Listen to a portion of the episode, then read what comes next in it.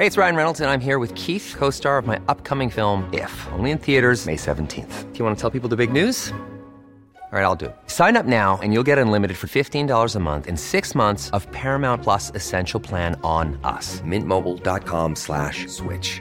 Upfront payment of $45 equivalent to $15 per month. Unlimited over 40 gigabytes per month. Face lower speeds. Videos at 480p. Active Mint customers by 531.24 get six months of Paramount Plus Essential Plan. Auto renews after six months. Offer ends May 31st, 2024. Separate Paramount Plus registration required. Terms and conditions apply if rated PG. Hey, I'm Ryan Reynolds. Recently, I asked Mint Mobile's legal team if big wireless companies are allowed to raise prices due to inflation. They said yes. And then when I asked if raising prices technically violates those onerous two year contracts, they said, What the f are you talking about, you insane Hollywood ass? So to recap, we're cutting the price of Mint Unlimited from $30 a month to just $15 a month. Give it a try at mintmobile.com slash switch. $45 upfront for three months plus taxes and fees. Promo for new customers for limited time. Unlimited more than 40 gigabytes per month. Slows. Full terms at mintmobile.com. Millions of people have lost weight with personalized plans from Noom, like Evan, who can't stand salads and still lost 50 pounds. Salads, generally, for most people, are the easy button, right? For me, that wasn't an option. I never really was a salad guy. That's just not who I am. But Noom worked for me. Get your personalized plan today at Noom.com. Real Noom user compensated to provide their story.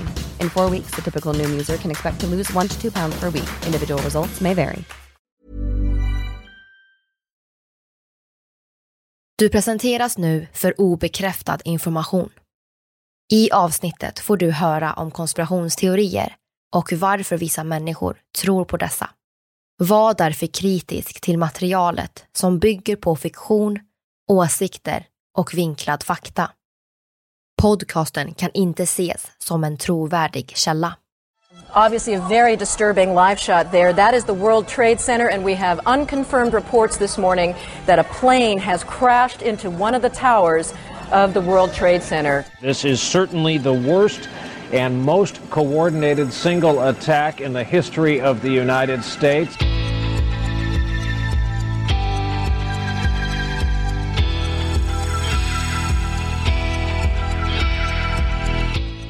Det här är podden för dig som är intresserad av en annan version av verkligheten. En version som tar upp alternativa teorier, mystiska sammanträffanden och diskussioner om vad som kan vara sant. Mitt namn är Vivi. Och mitt namn är Aida.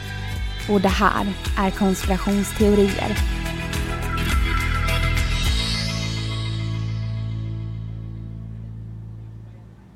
Klockan 07.59 en tisdagsmorgon i september lyfter American Airlines flight 11 från Logan International Airport i Boston, Massachusetts. Destinationen är Los Angeles International Airport i Kalifornien och resan beräknas ta ungefär sex och en halv timme. Kapten är John Ogonowski. Med sig i cockpiten har han andre pilot Thomas McGinnis Jr och flyget bemannas av ett team av åtta flygvärdar ledda av kabinchef Karen Martin. Flyget håller något fler passagerare denna dag än vad det transkontinentala flight 11 brukar göra en vanlig tisdagsmorgon. Mer bestämt är det 81 passagerare ombord flyget som efter en odramatisk take-off stadigt stiger mot den vackra och lugna septemberhimlen ovanför Massachusetts. Klockan 08.13 besvarar kapten Ogonowski och andre pilot McInnes Bostons flygtrafikcenter och genomför en begärd manöver, en 20-gradig högersväng. Några sekunder senare anropar Boston igen och begär att planet stiger till en höjd på 11 000 meter. Till svar får flygledaren i Boston tystnad. Från radion kommer nämligen inget svar överhuvudtaget från flight 11. Klockan 08.16 slutar flight 11 att stiga och planar ut på 8800 meter. Strax därefter avviker planet från den planerade rutten. Något är allvarligt fel. Två minuter senare hoppar dock radion till liv, men knappast till någons lättnad. Det är ett väldigt kort meddelande. Egentligen inget meddelande alls. Snarare ett ljud. Något som beskrivs som ett skrik. Efter det blir radion tyst igen trots flygledarens i Bostons febrila försök att komma i kontakt med planet. Klockan 08.21 stängs flight 11s transponder av. De kommande minuterna försöker man istället kontakta planet genom det digitala systemet Acars men flight 11 fortsätter på sin tysta, ödesdigra resa genom luften. 08.24 bryts tystnaden och en man talar. We have some planes. Just stay quiet and you'll be okay. We are turning to the airport. Och strax därefter. Nobody move. Everything will be okay. If you try to make any move, you'll injure yourself and the airplane. Just stay quiet. Dessa meddelanden var förmodligen menade att gå ut i flygplanet men plockas istället upp av flygledaren i Boston som nu förstår vad som hänt med flight 11. Han förstår att det inte är kapten Ogonovski som talar utan att rösten som kommer från radion tillhör en kapare. Efter detta avviker planet återigen från den rutteföljt Samtidigt informeras The Federal Aviation Administrations, eller FAA, huvudkvarter i Washington DC om vad som hänt. Klockan 08.34 hörs ett sista meddelande från flight 11. Nobody move, please. We are going back to the airport. Don't try to make any stupid moves. Trots att FAA nu förstår att de har ett kapat flygplan i amerikanskt luftrum så är det ingen som kan förvänta sig vad som hända skall. Det är en vacker, solig morgon i New York. Mannen som talar från flight 11 är Mohammed Atta och klockan 08.46 kommer han att krascha flight 11 in i World Trade Centers norra torn. Klockan 09.03 flyger sedan Marwan al-Shehi, det kapade United Airlines flight 175, in i det södra tornet medan det norra brinner. Klockan 09.37 styr Hani Hanjour, American Airlines flight 77, rakt in i det amerikanska försvarsdepartementets huvudkvarter i Pentagon, 370 kilometer från New York i Virginia. En timme senare, klockan 10.03, kraschar United Airlines flight 93 nära Indian Lake i Somerset County, Pennsylvania efter en passagerarrevolt. Det är en vacker, stilla sensommarmorgon på den amerikanska östkusten. Men klockan är nu strax efter 10 denna tisdagsmorgon. Datumet är den 11 september och året är 2001. Fyra kapade flygplan och 19 kapare har skakat USA och omvärlden. Världen är oåterkalleligt förändrad för evigt. Det nya millenniet är fortfarande i sin linda och framtiden är mörk.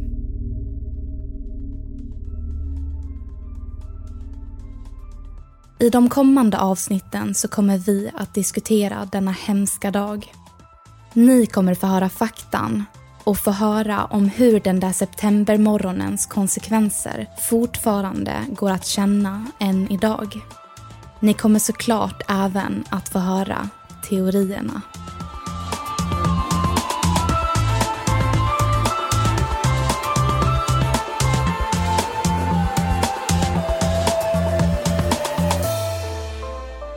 Det här är podden för dig som är intresserad av en annan version av verkligheten. En version som tar upp alternativa teorier, mystiska sammanträffanden och diskussioner om vad som kan vara sant.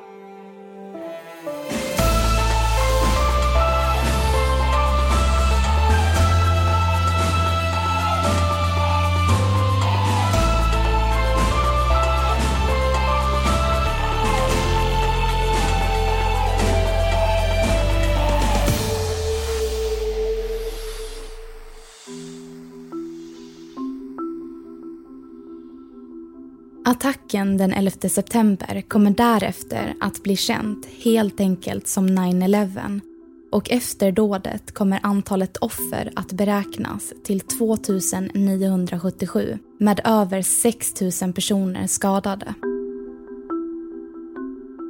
När det första planet kraschar in i ett av tornen så börjar rykten snabbt florera. Initialt påstås det vara en hemsk olycka men detta motbevisas när det andra planet kolliderar in i det södra tornet. Detta måste vara en attack. Men från vem? Ryktena börjar snabbt att skuldbelägga USAs fiender runt om i världen. Diverse nationer, politiska grupperingar och terrorister. I slutändan kommer skulden att läggas på några av USAs största motståndare, gruppen al-Qaida och deras ledare Osama bin Laden. Bin Laden och al-Qaida hyser ett stort agg mot den amerikanska staten på grund av dess inblandning i Mellanöstern och dess stöd för Israel. Bin Laden ser USA som huvudsätet för korstågarna i väst och som en fiende mot muslimer runt om i världen. Hey,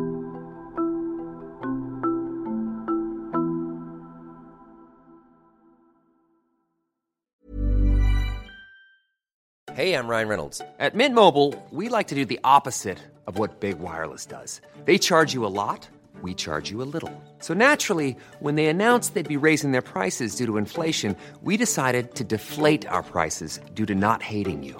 That's right. We're cutting the price of Mint Unlimited from $30 a month to just $15 a month. Give it a try at mintmobile.com slash switch. $45 upfront for three months plus taxes and fees. Promo rate for new customers for limited time. Unlimited more than 40 gigabytes per month. Slows. Full terms at mintmobile.com. If you thought the only way to get a more defined jawline with natural looking results was through surgery, think again. Juvederm Volux XC is a non surgical injectable gel filler that improves moderate to severe loss of jawline definition and can help you achieve natural looking results with little downtime. Even better, this improved definition lasts up to one year with optimal treatment. No maintenance required. Improve jawline definition for a smooth, sculpted look with Juvederm Volux XC. For important safety information and to find a licensed specialist, visit juvederm.com. That's J U V E D E R M.com. Not for people with severe allergic reactions, allergies to lidocaine, or the proteins used in Juvederm. Common side effects include injection site redness, swelling, pain, tenderness, firmness, lumps, bumps, bruising, discoloration, or itching. There's a risk of unintentional injection into a blood vessel, which can cause vision abnormalities, blindness, stroke, temporary scabs, or scarring. Talk to a licensed specialist to find out if it's right for you. Millions of people have lost weight with personalized plans from Noom, like Evan, who can't stand salads and still lost 50 pounds. Salads, generally, for most people, are the easy button, right? For me, that wasn't an option. I never really was a salad guy. That's just not who I am. But Noom worked for me. Get your personalized plan today at Noom.com. Real Noom user compensated to provide their story. In four weeks, the typical Noom user can expect to lose one to two pounds per week. Individual results may vary.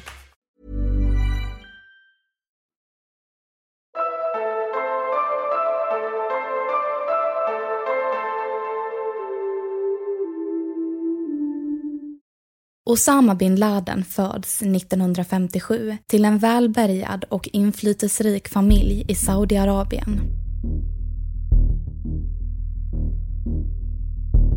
Han växer upp i staden Jeddah och kommer senare att studera ekonomi vid King Abdulaziz University. Efter sina studier, vid 22 års ålder, reser bin Laden till Pakistan där han tillsammans med teologen och jihadisten Abdullah Assam koordinerar stöd till islamistiska motståndsgrupper i Afghanistan som samma år invaderats av Sovjetunionen i ett försök att stödja den kommunistiska regimen. Operationen finansieras delvis av underrättelsetjänster som amerikanska CIA genom pakistanska ISI. Det Sovjet-afghanska kriget blir grogrunden för den man bin Laden kommer att bli. Och under krigets gång tar bin Laden en allt mer central roll. Han bygger läger i Pakistan där muslimska volontärer runt om i världen tränas och senare byggs läger även i Afghanistan för soldater som är lojala till honom personligen. I slutskedet av kriget leder en dispyt över taktik och vilken roll bin Laden och hans arabiska soldater ska ta till en splittring mellan bin Laden och teologen Assam. Den man som på sätt och vis agerat som bin Ladens mentor under denna period. Det är ur denna splittring al-Qaida föds runt 1988. Året därefter lämnar sovjetiska soldater Afghanistan och bin Laden återvänder till Saudiarabien. En hjälte i ögonen hos många i den arabiska och muslimska världen. Men för bin Laden är kriget inte över. Al-Qaida är nu hans beprövade vapen och han ämnar använda det mot muslimernas fiender i ett heligt jihad.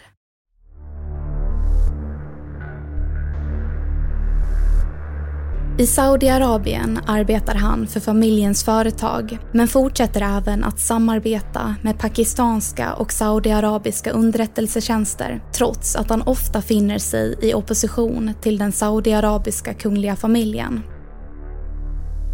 Under denna period fortsätter även bin Laden att engagera sig politiskt, ekonomiskt och militärt i Mellanöstern.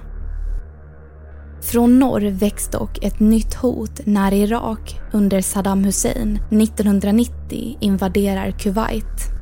Detta ställer Saudiarabien i en hotad position och kommer även att bli spiken i kistan för relationen mellan den kungliga familjen och bin Laden när de väljer att acceptera hjälptrupper och militärt stöd från USA hellre än att förlita sig på bin Laden och hans radikala soldater i al-Qaida.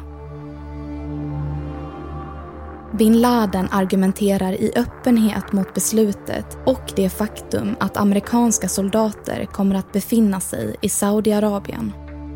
I hans ögon har han spenderat de senaste tio åren med att bekämpa och besegra icke-troende i Afghanistan bara för att återvända hem till där samma fiender, dock från väst istället för öst, nu bjuds in i muslimernas heliga land. De två heligaste städerna, Mecka och Medina, tillhör muslimerna och landet därom borde endast försvaras av muslimer. Bin Ladens motstånd leder till slut till hans exil och utvisning från kungariket.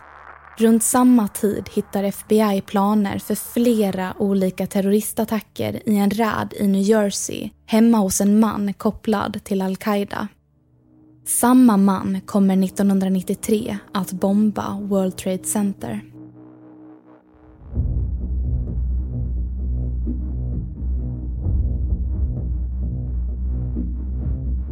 Efter hans utvisning från Saudiarabien förflyttar bin Laden sig själv och sin organisation till Sudan där han de kommande åren investerar och engagerar sig själv och sina män i byggandet av infrastruktur runt om i landet.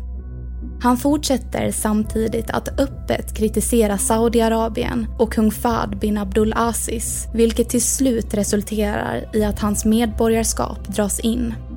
Hans position i Sudan är dock inte heller säker den sudanesiska regeringen pressas nämligen av Saudiarabien och USA att förvisa bin Laden från landet. Även Egypten ansluter sig till denna skara av motståndare efter ett misslyckat mordförsök på den egyptiska presidenten av terrorister med nära kopplingar till al-Qaida. Till slut rinner droppen över bägaren och bin Laden tvingas lämna landet 1996. Han tillåts dock att få resa till Afghanistan efter att han själv önskat detta. Det är även 1996 och från Afghanistan som bin Laden öppet förklarar krig mot USA. Efter denna krigsförklaring eskalerar bin Laden och al-Qaida sin verksamhet. 1997 genomförs Luxor-massakern i Egypten Majoriteten av offren är turister och även schweiziska medborgare. Den schweiziska polisen fastslår senare att bin Laden finansierat attacken. Året därefter sker de så kallade ambassadbombningarna där de amerikanska ambassaderna i Tanzania och Kenya bombas på order från al-Qaida. Attackerna tar över 200 liv. Detta resulterar i sin tur i ett militärt svar från USA då president Bill Clinton beordrar missilangrepp på olika mål kopplade till al-Qaida i Sudan samt Afghanistan. Under samma period allierar bin Laden sig själv med talibanerna i Afghanistan och erbjuder dessa sitt stöd i form av al-Qaida-militanter. Talibanerna är den grupp som kommit att anta en dominant roll i det inbördeskrig som förts i Afghanistan sedan sovjetiska trupper lämnat landet och den kommunistiska regimen fallit. Många av talibanerna har undergått både militär och religiös skolning i grannlandet Pakistan, där bin Laden var verksam.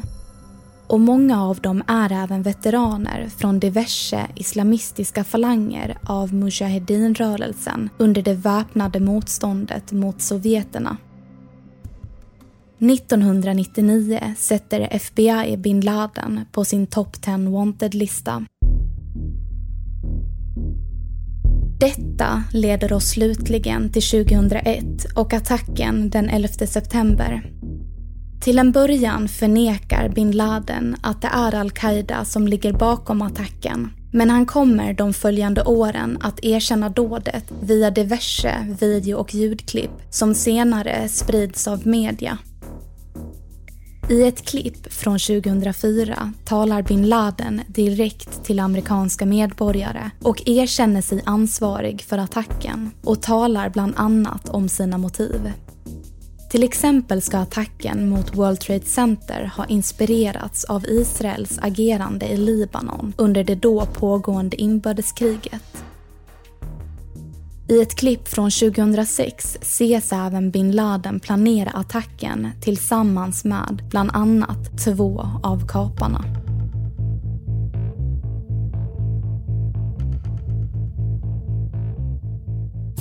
De män som går ombord planen den där ödesmättade tisdagsmorgonen i september 2001 har alla direkta kopplingar till al-Qaida och är utvalda av bin Laden.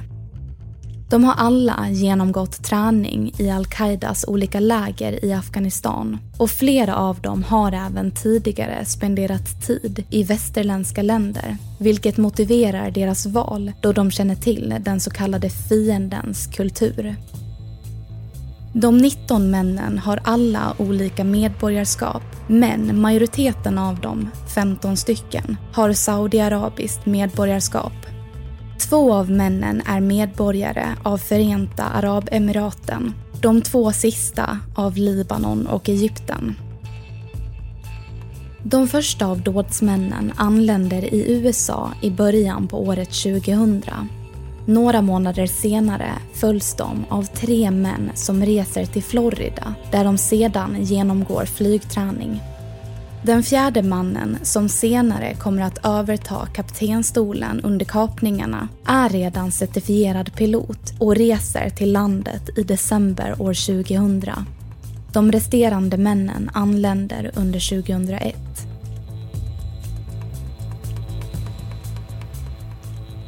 Männen är uppdelade i fyra grupper med en pilot tilldelad varje grupp. De övriga männens roll är att kontrollera passagerare och besättning samt att ta besiktning över planen och se till att piloterna tar sig in i cockpiten. Grupperna leds av sina respektive piloter som, tillsammans med endast ett fåtal av de andra männen, varit insatta i planen och varit utvalda för att genomföra den under en längre tid. De resterande männen väljs inte ut förrän strax innan dådet och enligt bin Laden själv blir de inte insatta i planen förrän dagen de ska genomföra attacken. Detta tycks bekräftas senare av FBI som teoretiserar att majoriteten av dådsmännen förmodligen inte visste att de även själva skulle dö i attacken.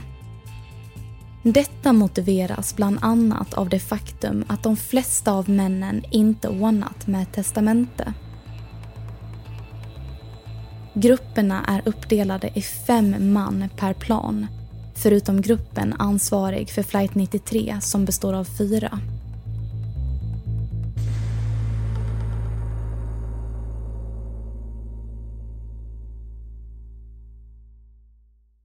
Väl ombord planen väntar männen en stund efter att planet lyft innan de agerar.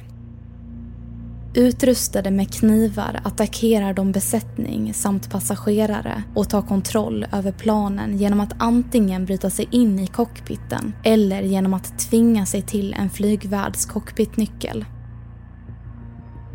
Enligt telefonsamtal från gisslan och ett uppsnappat radiomeddelande från kaparpiloten av flight 93 så hotar kaparna även med att de har bomber med sig ombord.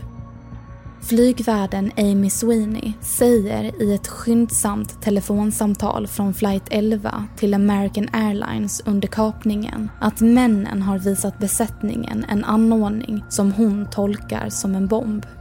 Utöver knivarna och bombhotet så ska kaparna även ha utnyttjat pepparspray för att ta kontroll över planen.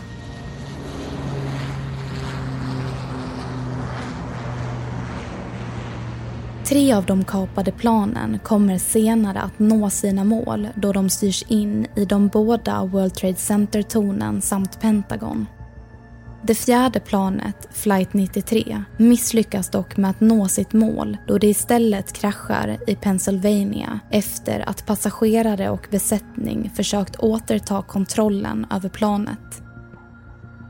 Dess tilldelade mål är okänt, men i förhör med två män som ska ha planerat attacken så var målet Kapitolium, vilket överensstämmer med planets kapade flygriktning mot Washington DC. Kapitolium är den byggnad som tjänar som den amerikanska kongressens huvudsäte och huserar både senaten samt representanthuset.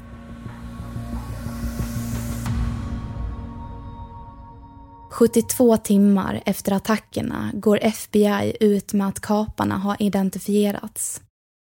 Den 27 september släpps en lista med bilder på och information om de 19 männen.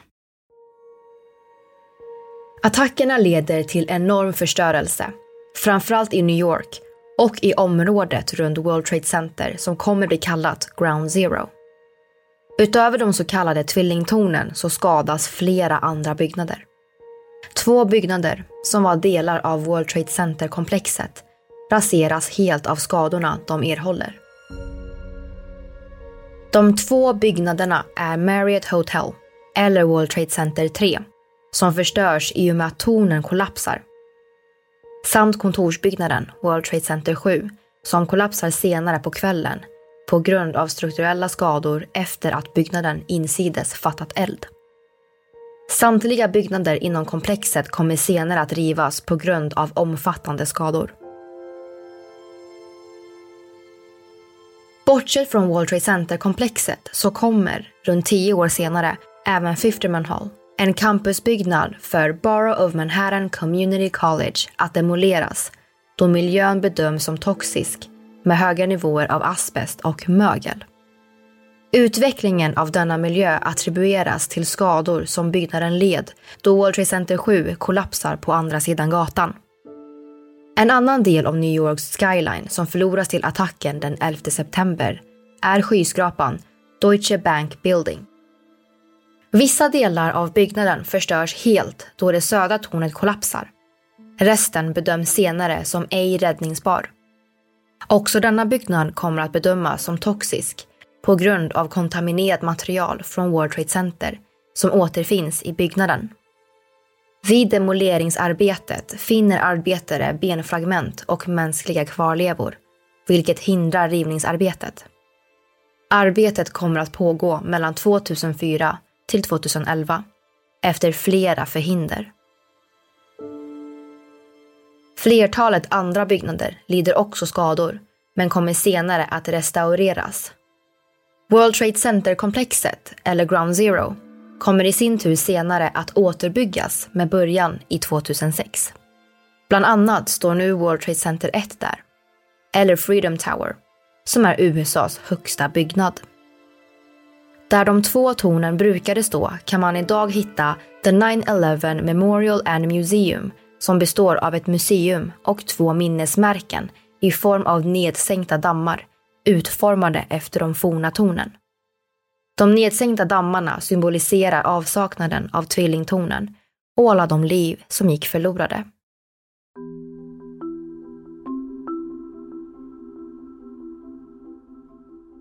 I Arlington, Virginia, strax utanför gränsen mot Washington DC, där flight 77 kraschar in i Pentagon, så är skadan lindrigare på grund av avsaknaden av närliggande byggnader. Pentagon, döpt efter den femsidiga utformningen på byggnaden, lider dock större förödelse då planet penetrerar den västra sidan vilket leder till delar av sektionens kollaps.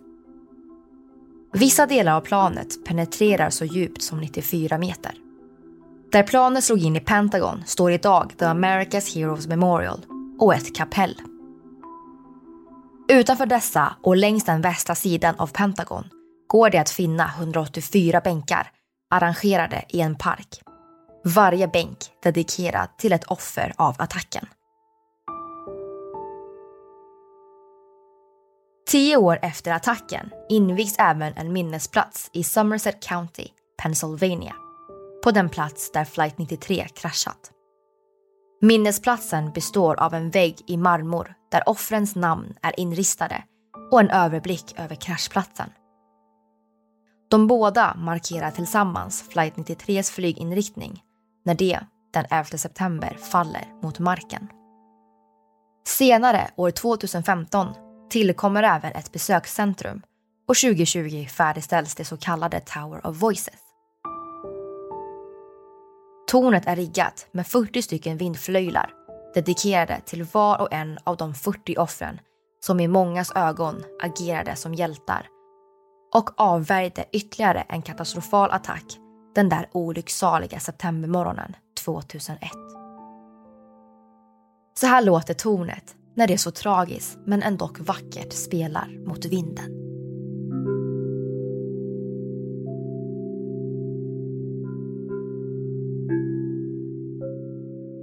Strax efter det att World Trade Center-tornen i New York träffas så ges order till amerikanska stridspiloter att lyfta.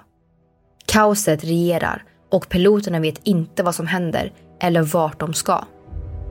Flera av deras plan saknar bestyckning och ett antal piloter tvingas acceptera att de kommer behöva använda sina egna flygplan som vapen medan de stiger mot himlen.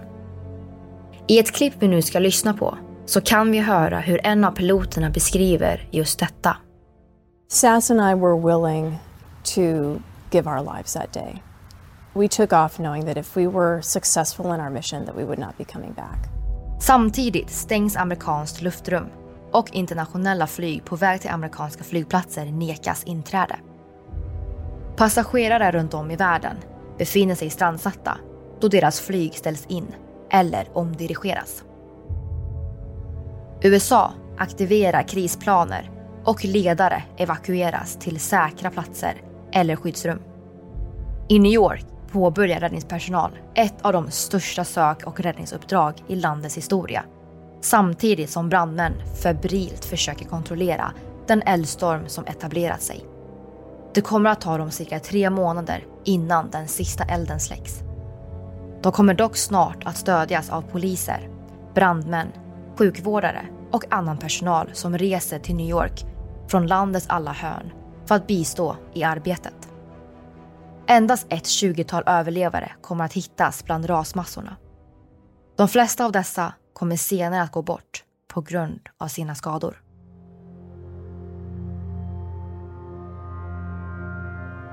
Effekterna av 9-11 kommer att sätta sig djupt i det amerikanska psyket och den amerikanska kulturen. Efter dådet klipps äldre filmer om för att inte längre visa de välkända och symboliska tvillingtornen. Nya filmer som stod inför premiär senare läggs av samma anledning. Låtar som nämner de båda tornen slutas att spela på radion.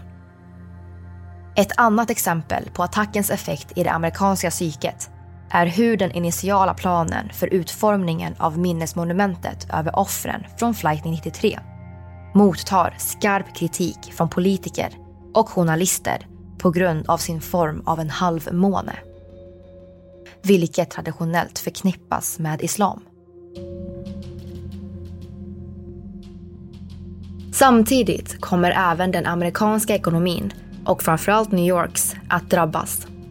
Den amerikanska börsmarknaden hålls stängd fram till den 17 september och faller ungefär en och en halv triljon i samlat värde. New Yorks GDP estimeras senare ha sjunkit med cirka 27 miljarder resterande 2001 och hela 2002. Samtidigt kommer USAs svar till attacken att bli kostsamt då miljarder av extra dollar går till myndigheter och insatser dedikerade till Homeland Security. Till detta tillkommer även, senare, kostnader för de krig som USA kommer att leda in i Mellanöstern.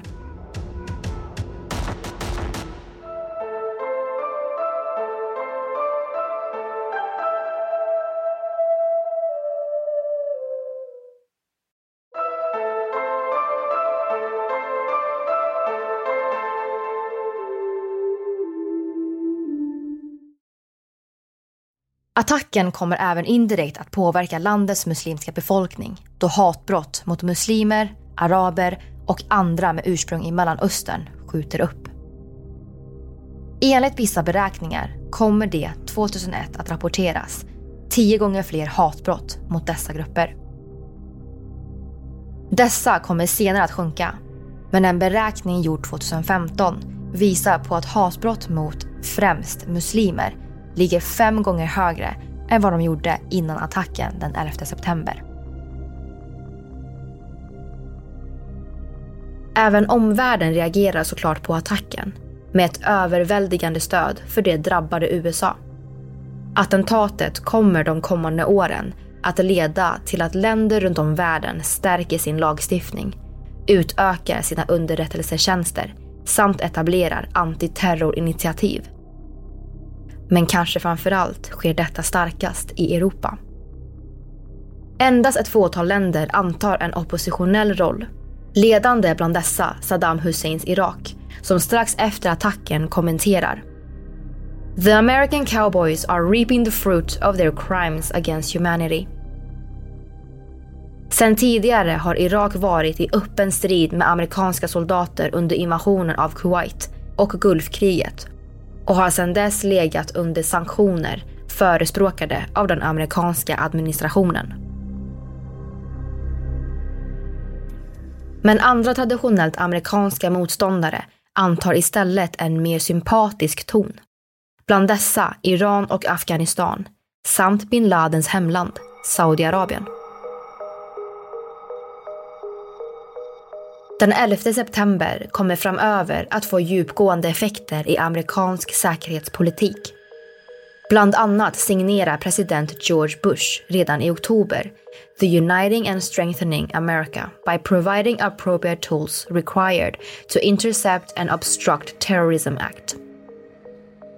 Mer känt som The USA Patriot Act, eller helt enkelt Patriot Act. Patriot Act ger amerikanska myndigheter utökade möjligheter att övervaka telefonsamtal, meddelanden och information både inhemskt och utomlands. Den utökar även listan av vilka typer av aktiviteter som kan terrorklassas samt ökar straffskalan för relaterade brott. Ursprungligen skulle lagen träda ur effekt fyra år efter att den signerats, det vill säga 2005 men den överlevde med vissa förändringar fram till 2020. Utöver signerandet av lagen etableras även en ny myndighet 2002. The Department of Homeland Security, vars ansvarsområde kommer att bli antiterrorism och inrikes säkerhet. The Transportation Security Administration, eller TSA, som etablerats direkt efter attacken och fått som uppgift att ansvara över säkerheten på flygplatser i landet kommer året därpå att underordnas Homeland Security endast två år efter det skapats.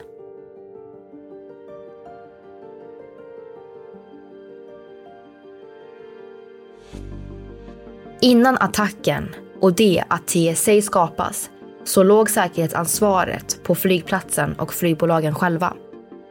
Vilket kom att kritiseras efter att de 19 terroristerna tillåtits borda planen och dessutom med vapen. År 2002 öppnas även det som kommer att bli ett av USAs mest ökända fängelser på den amerikanska militära förläggningen Guantanamo Bay Naval Base. Mer känt som Guantanamo Bay, eller helt enkelt Gitmo. Basen och fängelset ligger på ön Kuba och huserar misstänkta terrorister samt krigsfångar. Det faktum att basen ligger på Kuba kommer i framtiden att leda till flertalet tvister, argument och konflikter. Bland annat så säger sig USA ha rätt till basen då de hyr den av Kuba.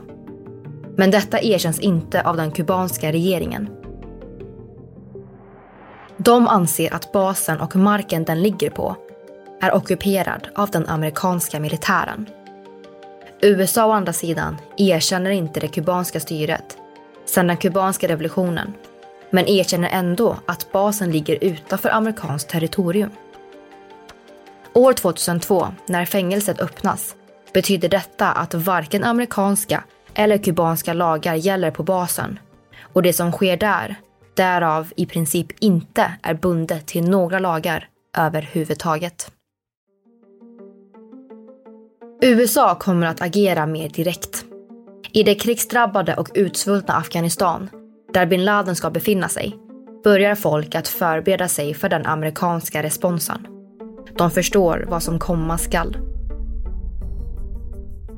Det talibanledda styret går redan dagen efter attacken ut med ett meddelande där de säger We appeal to the United States not to put Afghanistan into more misery because our people have suffered so much. Samtidigt flyr folket mot gränserna till grannländer. Som en efter en stänger dem. Diplomater, biståndsarbetare och volontärer lämnar med flyg eller organiserar sig istället nära gränsen i närliggande länder.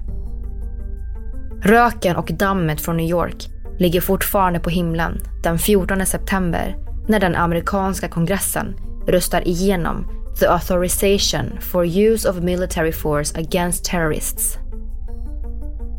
Detta skrivs sedan under som lag några dagar senare och ger president Bush och kommande presidenter rätten att använda militärt våld mot mål som han anser på något sätt bidragit till attacken den 11 september. USA har attackerats. Nu är det Amerikas tur. Vi kommer strax att höra hur Bush talar inför den amerikanska kongressen den 20 september 2001. The War on Terror har börjat. Our war on terror begins with al-Qaida, but it does not end there. It will not end until every terrorist group of global reach has been found, stopped, and defeated. Ingenstans är detta nya krig tydligare än i just Afghanistan den 7 oktober 2001 då amerikanska och brittiska flygplan bekläder himlen och inleder en bombräd mot olika mål i landet. Några dagar senare invaderas landet av en koalition ledd av USA med målet att hitta bin Laden och dessutom avsätta talibanerna. Två år senare, i mars 2003, kommer The War on Terror att nå Irak då amerikanska och andra koalitionstrupper invaderar landet för att motverka terrorism, avsätta Saddam Hussein och neutralisera hans massförstörelsevapen.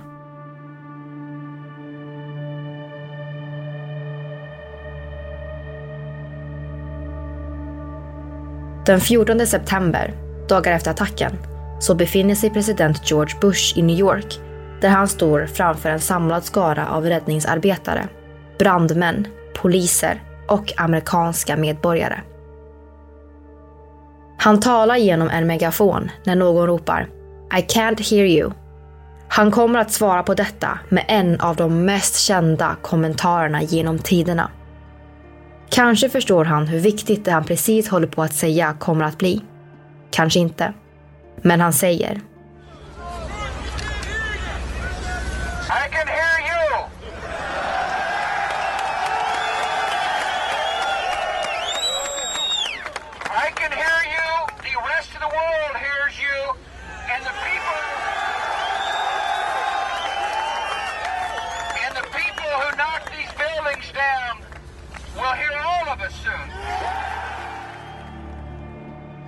Hans tal den 14 september vid ruinerna av de två tornen kommer att bli känd som The Bullhorn Speech. Och det han säger är sant. Folk lyssnar. Världen lyssnar. Alla lyssnar. Men mer än så. De pratar. De viskar. De frågar. Det vi hittills pratat om är hur 19 kapare från al-Qaida på order av Osama bin Laden den 11 september 2001 attackerade USA. En attack som ingen förväntade sig. Som ingen kunde förutspå. Eller? Var det verkligen så? Denna fråga ställer sig många i det efterföljande kaoset. Det är även en fråga som många fortsätter att ställa, än idag.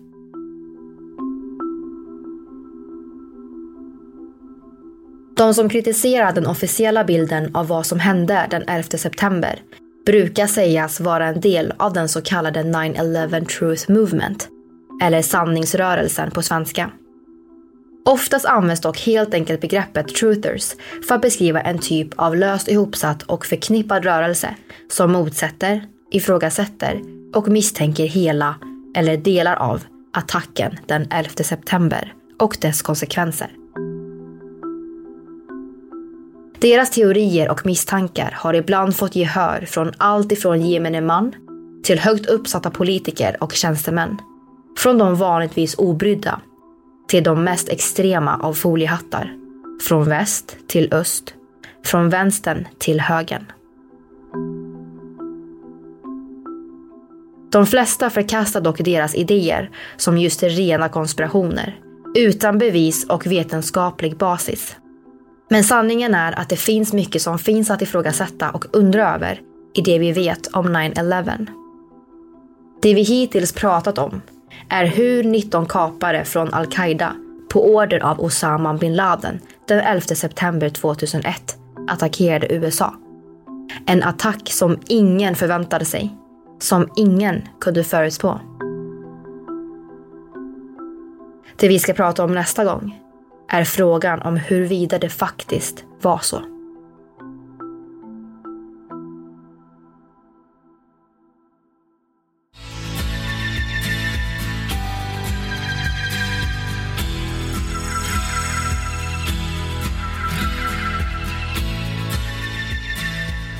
Du har lyssnat på 9-11 del 1. Avsnittet gjordes hösten 2022. Vi som har gjort programmet heter Vivian Lee och Aida Engvall tillsammans med redigerare Jenny Olli och manusförfattare Albin Åslund. Källorna till dagens program hittar du via vår Facebook eller Instagram där vi heter konspirationsteorier. Via våra sociala medier kan du även skicka in tips och önskemål på teorier som du vill höra i podden. Vill du höra fler avsnitt av konspirationsteorier?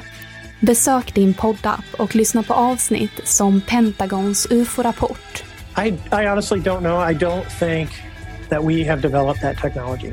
I don't think we developed it on this planet. Bob Lazar och Area S4. The job I had, the involvement with uh, you know, the government cover-up, that sort of thing. The story isn't altered. Och mycket mer.